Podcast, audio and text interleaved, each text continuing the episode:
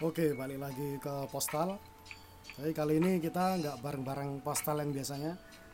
Kita take spesial segmenku ya. Eh, segmenku namanya Dove Us. Jadi saya mau tanya-tanya sama orang di sebelah saya ini. Coba dikenalkan Mas namanya, Halo, eh, nama aku Dio, umur, umur 24 tahun. Miva, Mafa. Cak apa sih? Oke, jadi Dio ini temanku SMA. Temanku SMA, kita dulu juga satu eskul di film ya. Hmm, Nah, film. aku ini pengen yang pengen tak tanyain sama Dio ini nggak bahas masalah film, tapi lebih ke yang lebih ini ya, yang akhir-akhir ini yang di sharing sama Dio. Aku recently itu baca tweetnya Dio itu bahas masalah audiobook dan uh, buku-buku lainnya lah. Nah dari beberapa audiobook itu ada juga yang aku udah baca ya kayak iki apa Rich Dad Poor Dad gitu-gitu kan. Nah, kenapa kok aku bahas masalah buku? Nah ini sebenarnya apa ya hal yang boring mungkin ya untuk dibahas kenapa buku awalnya aku tuh sangat-sangat berat mau buku kan awal mau buku itu berat nggak ya Oh, berat banget lah. kayak, Kayak males eh, ya Kayak buat tidur lah. iya bosen dan boring ya intinya ya ngapain sih buat duit akhirnya ya nggak diwoco ngono kan Iya, bener. pikiranku gitu tapi terus ketika aku baca buku awalku itu akhir-akhir ini aku baca Think and Grow Rich buku yang tak, tak baca Think and Grow Rich itu dari John C. Maxwell kalau nggak salah itu tak baca setahun Juk, gak mari-mari Setahun gak mari setahun jadi aku dari 2000 setahun lebih Juk. Setahun lebih. 2019 awal kan pikirku aku kalau di rumah aku nggak bakal baca buku ini.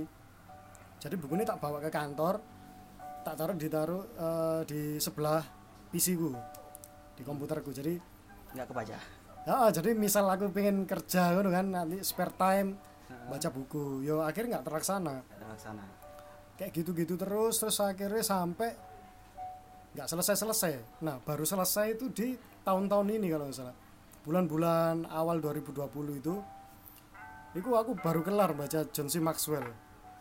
Dan yo memang sih buku kalau kita bacanya sepotong-sepotong nggak ono gregeting nggak ono sensasi nih nah terus aku juga tahu dari Dio ini ada yang namanya audiobook. Nah dari sana aku mikir kalau audiobook mungkin kita bisa baca buku tapi kita nggak capek. Kita baca buku kita tahu isi buku tapi kayak didongengin. Ada orang yang baca bacain kita sambil kerja sambil aktivitas enak nah lek eh, audiobook sing pernah mbok dengerin itu apa ya Kalau audiobook yang pernah tak dengerin eh, itu banyak ya. Ada Rich Dad Poor Dad, hmm. ada Fake. Fake itu bukunya Robert Kiyosaki juga yang nulis Rich Dad Poor Dad. ah. Eh, terus eh, mari kita bedah eh iki sinopsis masing-masing. Kayak Rich Dad Poor Dad kan kita lebih kayak ke Robert Kiyosaki nyeritain bagaimana dia dapat dua perspektif yang berbeda dengan dua orang ayah, satu ayah kandung yang dia sebut ayah miskin sama ayah sahabate yang dia sebut ayah kaya. Dan itu sangat-sangat beda mindsetnya kan. Ya itu kelihatan banget beda mindsetnya di sana. Eh, Hmm. Terus eh, satu lagi dari Rich Dad Poor Dad itu eh, gimana cara berpikir yang benar soal uang.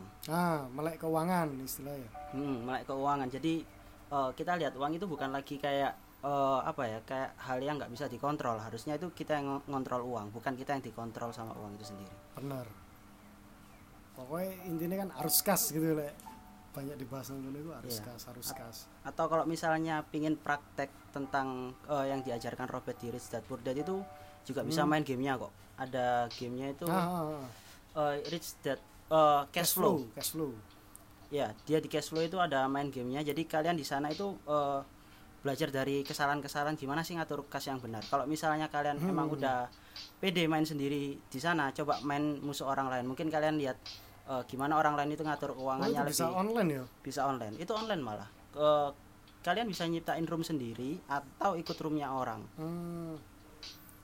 jadi intinya dia lebih nekanin untuk keluar dari race kan kalau Iya. dari game itu. Dan gimana caranya dapat passive income gede. Lebih gede dari liabilities kita lah. Itu kan game itu ada cash flow 101 sama 202 kan?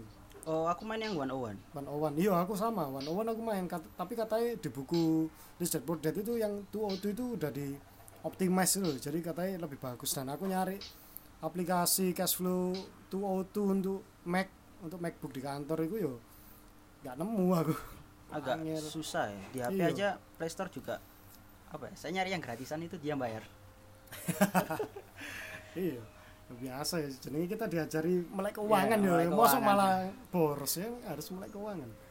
Terus habis Rich Dad Poor Dad.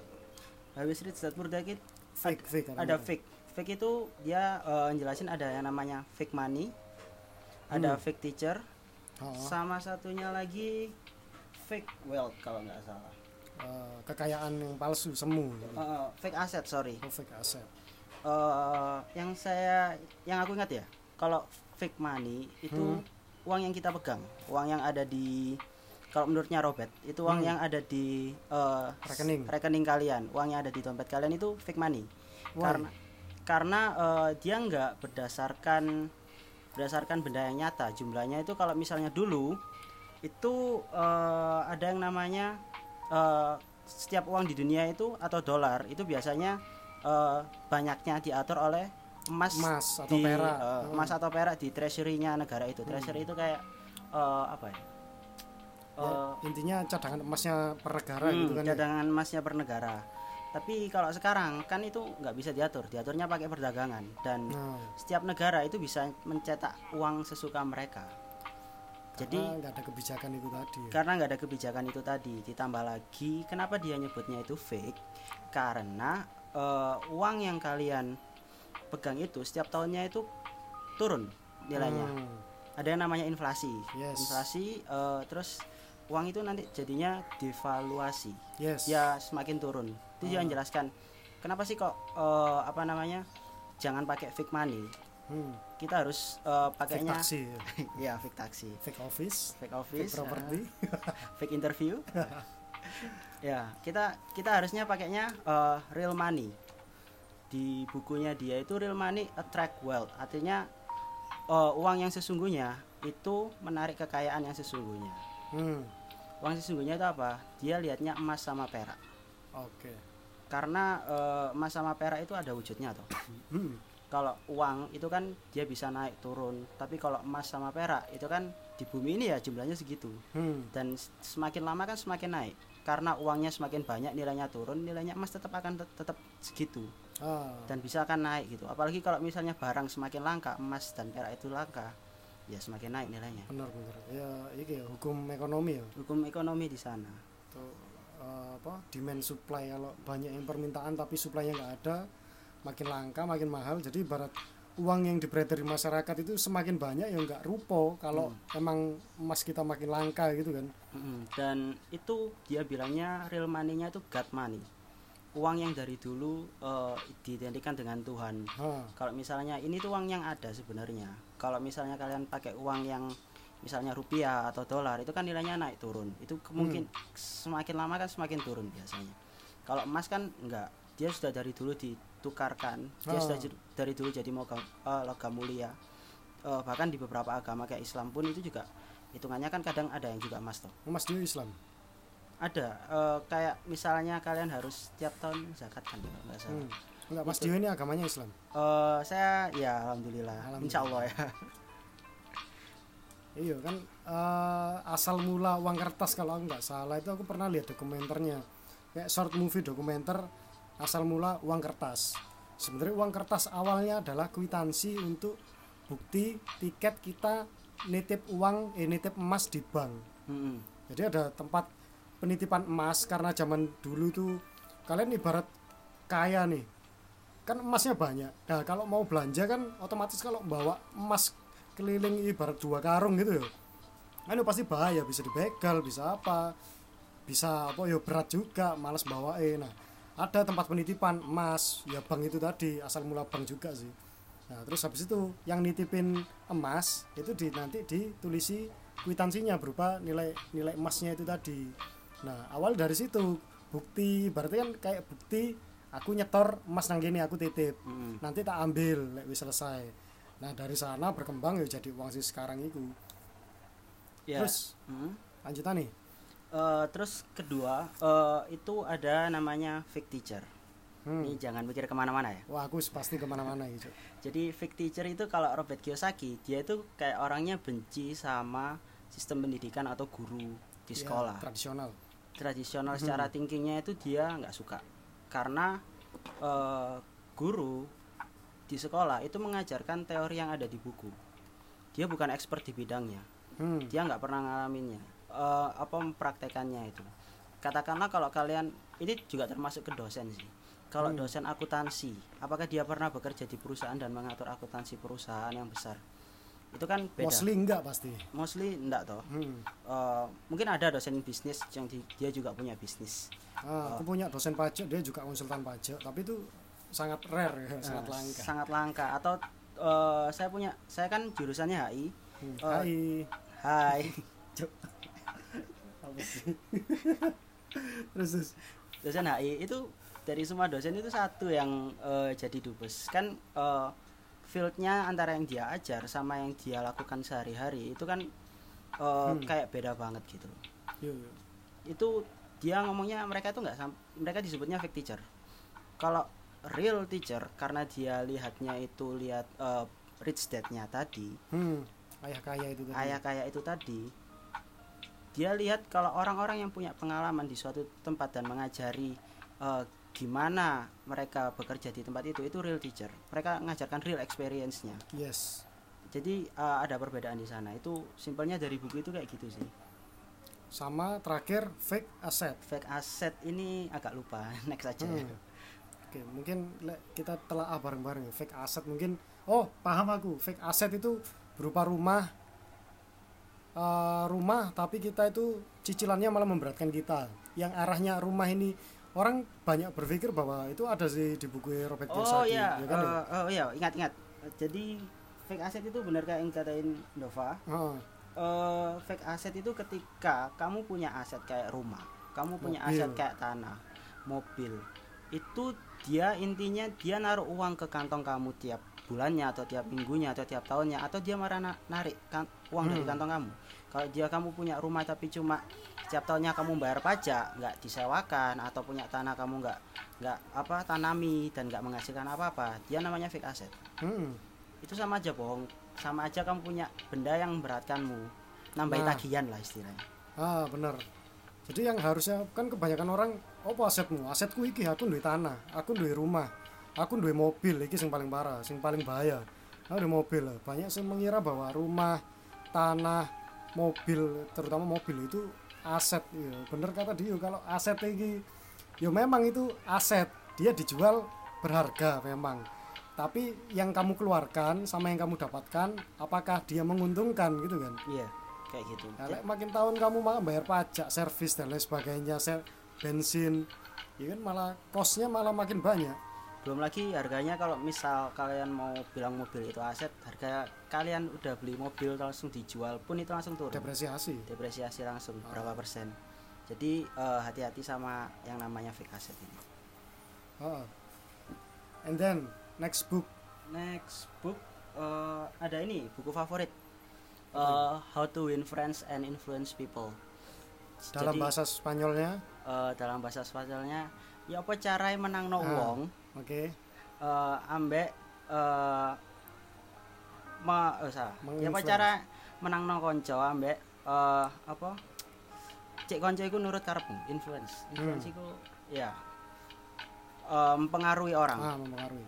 di buku ini unik sih Eh, dia nggak cuma ngajarin ABC ini yang harus kamu lakukan untuk eh, gimana kamu menangkan hati orang itu tadi Hmm. karena ka- kamu pengaruhi orang tadi di buku ini dijelasin cerita eh, ceritanya itu setiap pelajaran yang dia mau kasih Jadi dia ngasih study case terus kita ngambil kesimpulan dari sono. Mm-mm. jadi eh, dia itu katakanlah kayak gini dia banyak study case-nya buku ini cukup tua ya 19 eh, awal 19 awalan lah 1920-an Oh, ah. di sekitar sana itu eh, dia cerita-cerita yang zaman dulu tapi masih relevan Hmm. dan eh, aku sukanya buku ini tuh ngajarin salah satu yang paling aku ingat itu adalah jangan berargumen. Jangan berargumen. Jangan berargumen jangan ajak orang itu debat. Yes. Kita tahu gimana akhirnya debat itu. Yes gak ada yang menang. Hmm, jadi eh, terus satu lagi kritik. Eh, dari buku ini dia nggak nyebutkan kritik itu jelek sih atau menyebutkan. Eh, intinya orang itu kalau kamu kritik hmm. kalau kamu menyerang dia akan bertahan jadi Yo. pesan yang kamu sampaikan ke dia misalnya kamu ingin eh, mengkritik pacarmu potonganmu elek Hmm, dia pasti akan bertahan malah defensif Malah Nggak defensif. malah nggak malah berubah jadi lebih baik tapi malah lapo iki aku kok ngene kan gak trim gak seneng ambek aku ngale wae iya semua orang kayak gitu kok jadi Ah. eh, gimana cara menangkan hati orang itu tadi eh, dijelaskan semua di buku. Itulah cerita ceritanya bukunya lumayan tebel sih. Audiobooknya juga lumayan lama. Cuma worth it lah. Kan eh, gini kalau kelebihan audiobook daripada buku ya Hah, Kalau- apa tuh? Eh, aku kan setuju dengan Andova kalau buku itu agak berat. Karena buku itu Hmm. butuh eh, kalau kamu udah baca buku kamu akan eh, fokus ke buku itu nggak bisa ngelakuin yang lain. Yes. Jadi kalau kamu udah eh, baca buku fokusmu ke buku kamu duduk udah baca. Itu capek. Hmm. Katakanlah 100% konsentrasi ke buku. Tapi kalau audiobook kamu bisa eh, ngapain aja? Entah membersihkan kamar entah itu kerja. Hmm. tapi kerja ini jangan ya agak ekstrim mungkin ya. Aku kerja mbak audiobook. Itu kalau gak dilihat terus nggak apa-apa sih aku juga sering. Terus terus. Eh nyetir nyetir ini juga bahaya. Tapi kalau aku dengerinnya ketika nyetir audiobook. Nyetir kalau kamu nyetirnya di eh, speaker mobil gitu mungkin aman ya tapi Aman ya? headset terus kan nang lampu merah santai aku gak ada headset ya ya aja ambek nyetir ya Rek, ya apa mana motoran itu ditangkap polisi nanti seenggaknya kayak aku lah pakai buff gitu gak kelihatan headsetnya bahaya tahu, kan? wireless Hmm. eh banyak sih caranya eh, gimana membuat orang itu tertarik ke kamu.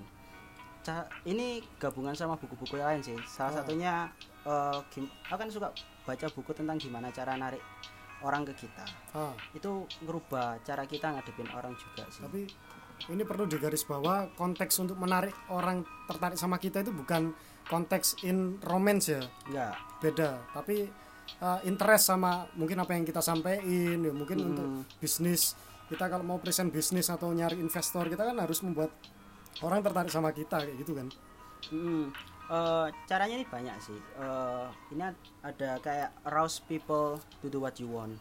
Jadi eh, kamu gak cuma membuat orang itu tertarik. eh, eh, aku ada kayak gini loh. Kamu mau nggak? Itu biasa orang nggak. hmm.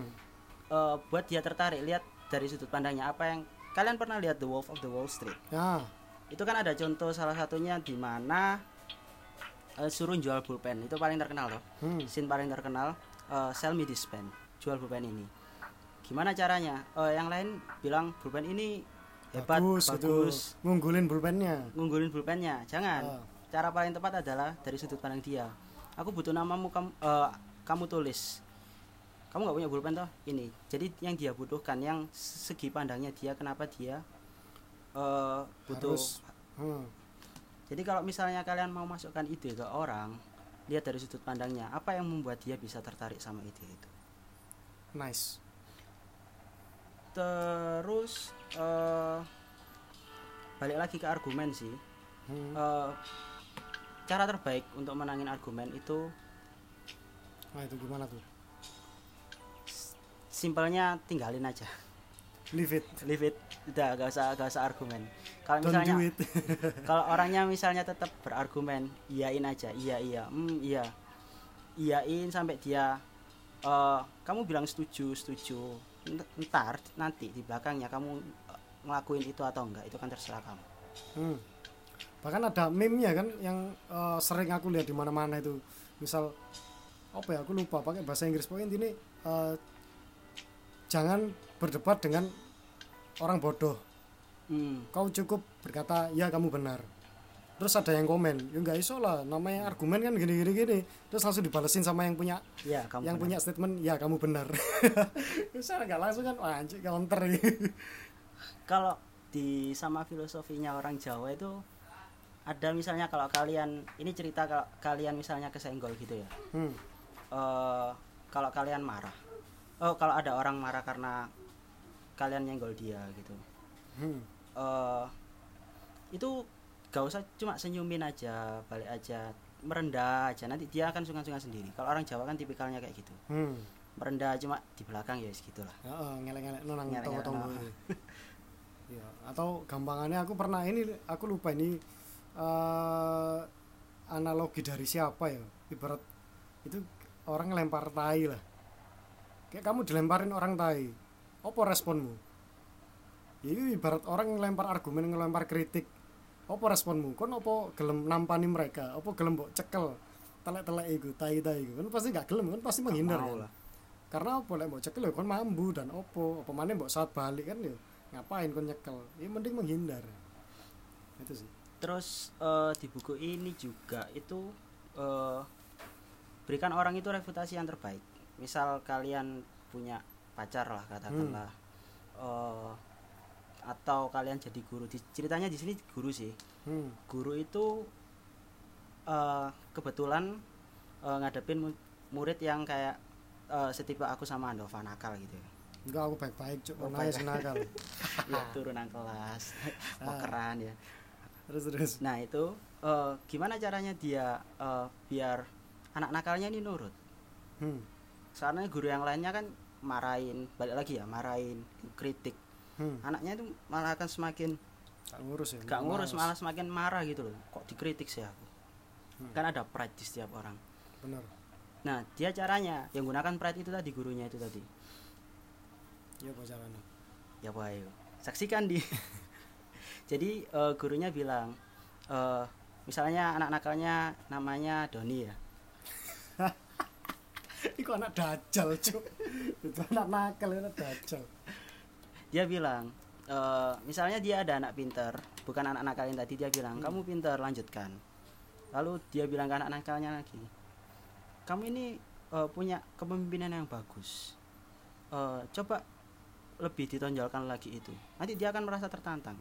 Dia Hmm. pertama punya yang namanya eh, reputasi yang oh loh aku ini bisa mimpin nanti dia akan nggak mengecewakan kok jadinya hmm. jadi kalau misalnya eh, pacar kalian misalnya dari rambut panjang potong ke rambut pendek Hmm. itu padahal cowok itu eh, bilang aja kalau misalnya kalian suka rambut panjang eh, kamu gantengan rambut panjang aku suka rambut pendekmu tapi menurutku gantengan yang rambut panjang Hmm. atau kebalikannya kamu cantikan rambut panjang tapi aku suka yang pendek. Jadi dia nanti akan Iya, atau wih gila cantik banget pacarku gini gini terus mungkin next day oh iya kamu lek pendek gini ya kelihatan gini yo. Panjang malah kemarin kok bagus kayak gini. Ya kata-kata persuasif lah. Bagusan moha ya. Hmm, bagusan moha. Tengah tapi semoha eh terus genuine interest ini yang agak susah sih genuine interest ini nggak semua orang bisa ya hmm. Eh, trik yang paling banyak orang bisa lakukan itu adalah eh, mendengarkan oke semua orang itu ingin didengar kok. yes semua orang itu ingin didengar tapi eh, jarang yang mau mendengarkan nah gimana sih cara kalau misalnya influence people gimana cara ngelower apa merendahkan eh, pertahanannya mereka biar kita bisa masukkan ide-ide kita atau bis- bisa kita Hmm. berteman dengan mereka itu dengarkan mereka. Hmm, buat mereka bicara. Kalau cara aku sih kebanyakan kan karena kerjaku ketemu banyak orang. Hmm. biasanya itu aku tanyain mereka itu udah berapa lama di sini? Terus gimana kayak gini? Udah punya anak dan lain sebagainya. Itu mereka akan cerita banyak cerita di sana. oh, Hmm. curhat-curhat curhat-curhat. Curhatnya itu arahkan terus. Hmm. arahkan terus yang mereka suka. Nanti mereka akan eh, apa ya? Bahas-bahas terus bahas-bahas terus itu kita nanti bisa masukkan ide kita ke mereka. Mereka merasa nyaman dengan kita. Hmm. itu caranya jadi good listener atau orang yang apa ya baik untuk dalam mendengarkan itu kayak gitu. Jadi kalau eh, cowok-cowok hmm. itu bisa kayak gitu caranya. Eh, biar ceweknya cerita. Banyak kan Be, kan kebanyakan trik apalagi untuk cara mendapatkan pasangan. Dengarkan curhatnya gitu ya kan. curhatnya tapi ojo kebajet ya rek. Iya, engko kan kan dadi kan. kanca curhat ya kan. Temenan. Kok temenan. akhirnya dia ndolek kon cuma gaya butuh curhat toh Heeh, ya iku temenan. Friendzone ya pengalaman dong enggak aku banyak pengalaman udah. Oh udah banyak pengalaman. Iki aku sing curhat malah. Coba lah aku. Aku emang salah satu trikku gitu ya. Apalagi untuk eh, kita konteksnya nang romance. Aku itu malah prinsipku kayak misal kita first date gitu ya. Hmm. aku ngedate sama cewek. Aku malah kepingin eh, prinsipku aku sebisa mungkin aku tahu sebanyak mungkin tentang dia. Tapi kalau bisa dia nggak tahu apa-apa tentang aku. Hmm. jadi ketika first date gue kayak ngono aku ngerasa aku berhasil. Soalnya dengan kayak ngono aku berusaha ngempet egoku untuk berusaha menampilkan sopo aku berusaha ini namanya orang first date kan pasti kepingin impress ya Hmm. tapi aku kepingin how to listen. Gimana caranya? Ya opo lah iso wong iki iku cerita seake-ake sedangkan aku nggak cerita apa pun. Dan ketika di satu titik di mana pulang misal di rumah malam mau tidur sama-sama mikir aku mikir oh arek wedok iki ternyata ngene ngene ngene keluarga ngene sedangkan arek wedok nang kono oh iya ya aku gak apa apa ya Hmm. berarti harus ono second date iki wah Yes. Diajari loh Rek ambek Wah, master ya. enggak enggak enggak Jen- sayang pacarku pasti ngrungokno ya Terus eh, senyum. Senyumnya yang genuine juga. ah Jadi eh, kalian kayak anjing lah. Anjing itu ngasu ya asu itu kan akeh sing melihara asu soalnya kenapa? Pas mereka ketemu majikannya atau ketemu eh, yang beri mereka Owner makan, ownernya itu pasti mereka senyum. Mereka itu kayak bayi. ah asune senyum Heeh. A- Kan maksudnya nunjukkan gestur bahagia kayak Oh, ekornya iya. ekornya gerak-gerak gitu ya. Itu karena mereka senyum dan itu Hmm. nanti Mbak Mut baik ke ke majikannya. Sama kayak orang. Ketika kamu memberi yang baik, nanti akan dikembalikan yang baik kok. Tapi nggak semuanya jangan berharap gitu ya. Nanti kalian jadi jatuhnya terlalu berharap kalau kalian terlalu ngasih.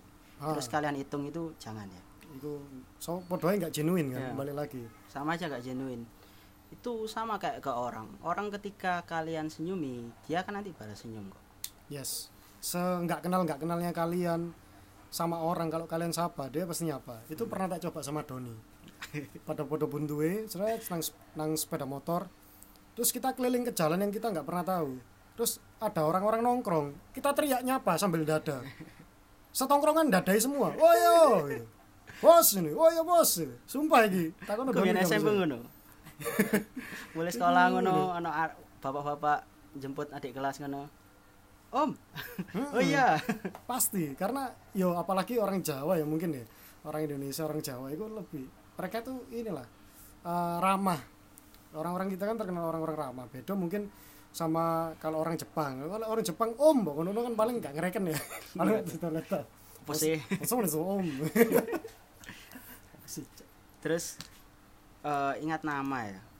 Ah itu salah satu kalau di bank itu salah satu yang menjadi poin penting pelayanan kita harus mention nama Mm, ingat nama ini penting ya apalagi kalau kalian kerjanya di customer related business yes Eh, saya dulu di eh, F&B makanan dan sekarang juga jadi marketing itu harus ingat nama.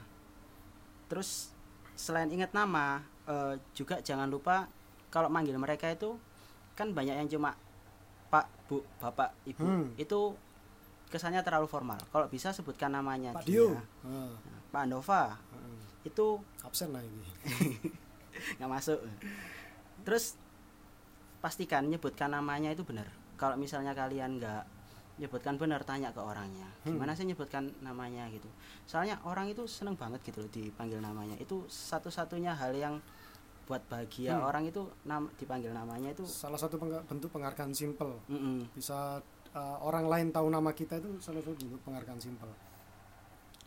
Eh, ketik terus eh, ketika kalian udah tahu ya gimana oh ya terus timing hmm. setelah kalian genuine smile terus ingat nama manggil nama eh, udah baik caranya gimana cara misalnya kalian ingin masukkan ide kalian ke orang itu ketika Hmm. dia sudah bilang ya ya ya dengan omongan kalian kalau misalnya eh, enggak ya ya jangan dulu tunggu sampai benar-benar kalau di sini tuh sampai orangnya itu benar-benar nyaman sama kita.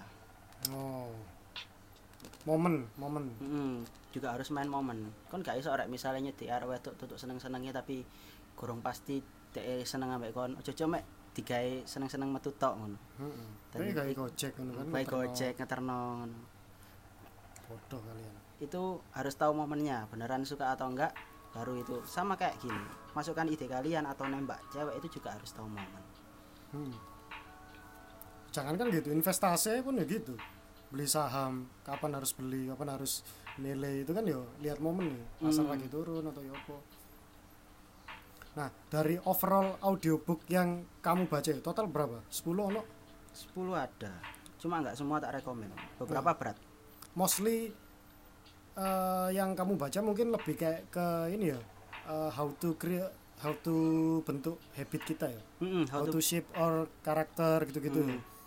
lebih ke iya sih emang menurutku aku aku awal itu baca buku itu males tapi ketika aku dengerin audiobooknya sebuah seni untuk bersikap bodoh amat dan aku langsung memutuskan untuk beli bukunya habis dengerin audiobook aku kepingin beli buku nih karena aku kepingin bisa dibaca la- lagi loh Hmm. karena itu bener-bener open mindset masalah happiness masalah apa junk food untuk otak kita di mana kita dimotivasi kita pasti sukses kita pasti bahagia kita pasti ini sampah itu. Itu junk food untuk otakmu. Padahal ya sing bener ya kon harus nerimo bahwa kon iki elek kon sampah kon gak sukses. Dan ya apa caranya kon dengan gak kesuksesanmu iki mau? Iso-iso menghasilkan kesuksesan ngono kan? Mm-mm. berdamai kayak ngono-ngono. Ku bagus juga sih itu bukunya. Hmm. belum sempat kebeli cuma worth it lah itu nah sing jadi favoritmu di antara audiobook audiobook itu atau buku-buku sing kamu baca? How to win tadi sih. Ah. Eh, ada satu lagi juga The Magic of Thinking Big. Ini juga lama nih 9 jam bukunya. Anjir. didengerinnya. Ini Itu butuh- perjalanan ini sih eh, Surabaya Jakarta kayaknya baru- iki. Tutuk Itu- tutuk tengah Tangerang itu baru selesai. Kebanyakan ya selama dua minggu aku butuh ngabisin buku ini Hmm. itu karena eh, bukunya juga bagus sih. Dia eh, gimana kebanyakan buku yang tak baca ngerubah mindset sih. Gimana cara meru- merubah pola pikir kita. Robert Kiyosaki tentang keuangan. Ya, how to think how to think big gimana cara kita mensikapi suatu hal. Terus eh, what other people like you gimana cara kita mensikapi sama orang yes. kayak gitu sih jadi lebih ke apa ya cara berpikir benar lah wis wayahe ngaku sing salah-salah iku wis wayahe remaja saiki tobat lah Kalau saya sih remaja soalnya. kan remaja Ya, saiki iyalah, jiwa remaja. jiwa muda Berarti favoritmu itu tadi sing How to Thinking Big sama how to How to influ- eh, How to Win and Influence People. iya Dari apa ya? Buku-buku sing keseluruhan kamu baca dari semua buku kan nggak mungkin kamu hafal 100% kan? enggak. Bahkan tak suka pun enggak tak apa Nah, tapi impact dari buku itu tadi apa? Setelah kamu baca atau kamu dengerin di audiobook? Eh, ngadepin orang sih. Eh, karena di marketing di di buku yang How to Win ini. Eh, di kebanyakan kan yang ngadepin orang yang tak baca ya. Soalnya eh Andova mungkin sudah tahu lah misalnya dulu itu senengane gak Gary Wong. Nah, aku enak ya Gary Wong aja nih hmm, cuma sekarang lebih gimana? Lebih enakan orang itu bisa eh, berdamai sama kita gitu loh. Bisa Yes. seenggaknya kalau kita mau kayak gini mereka nanti nuruti malah secara lebih langsung. gampang ya. malah lebih gampang. Mereka nuruti karena sungkan gitu. Hmm, lebih enak kayak gitu sih. Cuma eh, itu ya bertahap sih nggak bisa nggak bisa langsung. Itu kan kayak habit juga kalau gimana. Kalau misalnya kalian marah atau gimana biasanya langsung kritik orang ini harus eh, ditahan dulu harus Hmm. gimana cara ngomongnya sama dia yang baik biar bisa nerima pesan kalian kan nggak Iya. nggak nggak harus kalau misalnya kalian kritik orang yang gemuk terus kalian nggak nggak suka lihatnya ngono misalnya don kon iku lemu hmm. Kamu elek, kamu itu mambu. Iya, itu kan dia nggak akan berubah kayak Hmm. gitu. Nggak bisa, harus pelan-pelan. Oke, sorry tadi ada sedikit gangguan teknis. Lanjut lagi. Nah, yuk, eh kau ngerti kan baca buku itu segitu boringnya dan untuk Hmm, mempertahankan komitmen menyelesaikan satu buku itu angel. hmm, Apalagi eh, audiobook juga ya. Soalnya kan eh, kita mendengarkan eh, ceramahnya orang ibaratnya kayak ngono. Nah, how to maintain our emotion to be commitment with this book until the end, until finish. Eh, pertama harus punya interest dulu ya ke bukunya. Jadi kalian benar-benar tertarik nggak sama buku itu? Karena kalau aku kan awalnya karena tertarik belajar uang, uang Hmm. itu habis-habis terus, terus belajar eh, di Robert Kiyosaki ini uangnya jadi gak berapa habis ya Hmm. itu seenggaknya aku tertarik gimana sih caranya dia dan juga eh, how to maintain itu juga dipengaruhi bukunya juga sih yang Nah. kalian dengerin itu dia menjelaskannya menarik nggak bukunya menarik nggak tapi saranku sih untuk dengerin itu sedia eh, ketika kalian ada waktu luang. Jadi kalau misalnya kalian bersihkan kamar atau kalian waktu kerja itu waktu suntuk coba dengerin audiobook. Yes. Sama kayak kalian ngulangin untuk waktu podcast inilah. Itu Hmm. kan juga ada waktu-waktu ketika kalian suntuk waktunya butuh konsentrasi tapi nggak bisa waktunya bingung mau ngapain atau waktu main game. Itu kalau aku sekarang udah sampai di titik apa-apa main PS pun juga kadang juga dengerin audiobook itu jadi ah edik kalau udah wis seneng ambek kan ini Hmm. aku jadi edik ya. Habit Hmm. juga soalnya. Soalnya dibiasakan otak itu bekerja sih kalau aku ya. Jadi kalau misalnya dianggurin kayak nggak ngapa-ngapain itu ya dengerin itu. Iya. Aku sampai dia diomongi pacarku dewe kan kamu baca buku itu Loh, kamu baca buku terus-terusan gitu nggak ngantuk ini loh ya itu masalahnya. Baca buku ini mikir makanya nggak nggak ngantuk. Otaknya dipakai. Beda lah kita buku pelajaran kini males mikir itu kita jadi ngantuk pasti itu ya itu tadi dari eh, berusaha membuat otak mikir terus nanti kalian kecanduan sendiri kok Kayak- sama kayak kalian lihat YouTube ya. Instagram itu dibiasakan lama-lama nanti katakanlah sehari kalian punya target 30 menit atau 10 menit dengerin lah. Nanti ka- atau satu chapter dengerin. Itu kalian nanti keterusan terus. Yes benar. Kalau saranku ya kalau kalian pengen baca buku bener buku itu sangat mempengaruhi. Kamu jangan kalau awal apalagi awal-awal pembaca buku nggak tak saranin kayak baca-baca bukunya John C. Maxwell. Ya it's okay sih baca itu tapi mungkin bahasanya terlalu berat. Kalau pengen untuk early reader gitu ya better baca kayak buku-buku yang general. Contohnya sebuah seni untuk bersikap bodoh amat. Hmm, itu bagus banget. Itu general pembawaannya enteng dan kalian gampang nyerna karena penulisnya itu penulis blog juga.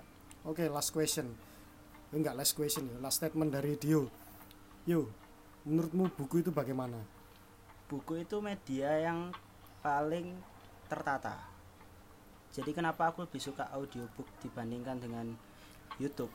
Itu karena kalau orang YouTube atau kayak kita podcast gini ya, hmm. itu biasanya mereka ngomongnya eh, nggak ditata dulu. Kalau audiobook kalau misalnya kalian emang ingin belajar gunain otak kalian yang misalnya waktu nyetir lah atau waktu eh, kerja tapi agak suntuk, itu dia sudah ketata apa pesan yang mau dia sampaikan. Dia sudah diedit, sudah direview berkali-kali sama kayak skripsi ya. Ah, oke Itu dia udah sampai sana gitu jadi kalian udah kayak cepat saji. Tapi ya mungkin buku itu agak berat daripada omongan-omongan biasa. yes Tapi kalau kalian bisa nemukan buku kayak eh, Subtle Art Doesn't Give Up eh, itu kalian bisa dengerinnya dengan fun kok. Itu menyenangkan Hmm. banget bukunya itu kalau didengerin. Enak. Eh, dan juga aku saranin kalau misalnya kalian bukan orang yang bisa duduk diam untuk baca buku, dengerin audiobook aja di diam-diam ngapain gitu main game atau atau apa itu bisa dengan audiobook. Jadi seenggaknya kalian itu eh, kegiatan yang enggak seberapa istilahnya punya eh, nilai yang produktif hmm. itu bisa kalian dengan audiobook kalian bisa tapi tiba-tiba nanti nghabiskan berapa buku sendiri gitu yes diselingi soalnya diselingi soalnya kan bisa diselingi kalau audiobook Hmm. Kalau last wordku tentang buku, semakin kita banyak membaca buku, semakin kita tahu bahwa kita itu nggak ada apa-apanya. Semakin kita sadar bahwa we are nothing but uh, apa ya, little shit. we are nothing but a little shit. Oke, thank you Dio Oke, for sharing you. today. This is Dov Us. Uh, this is Dio. This uh, one two three one two three go close the door.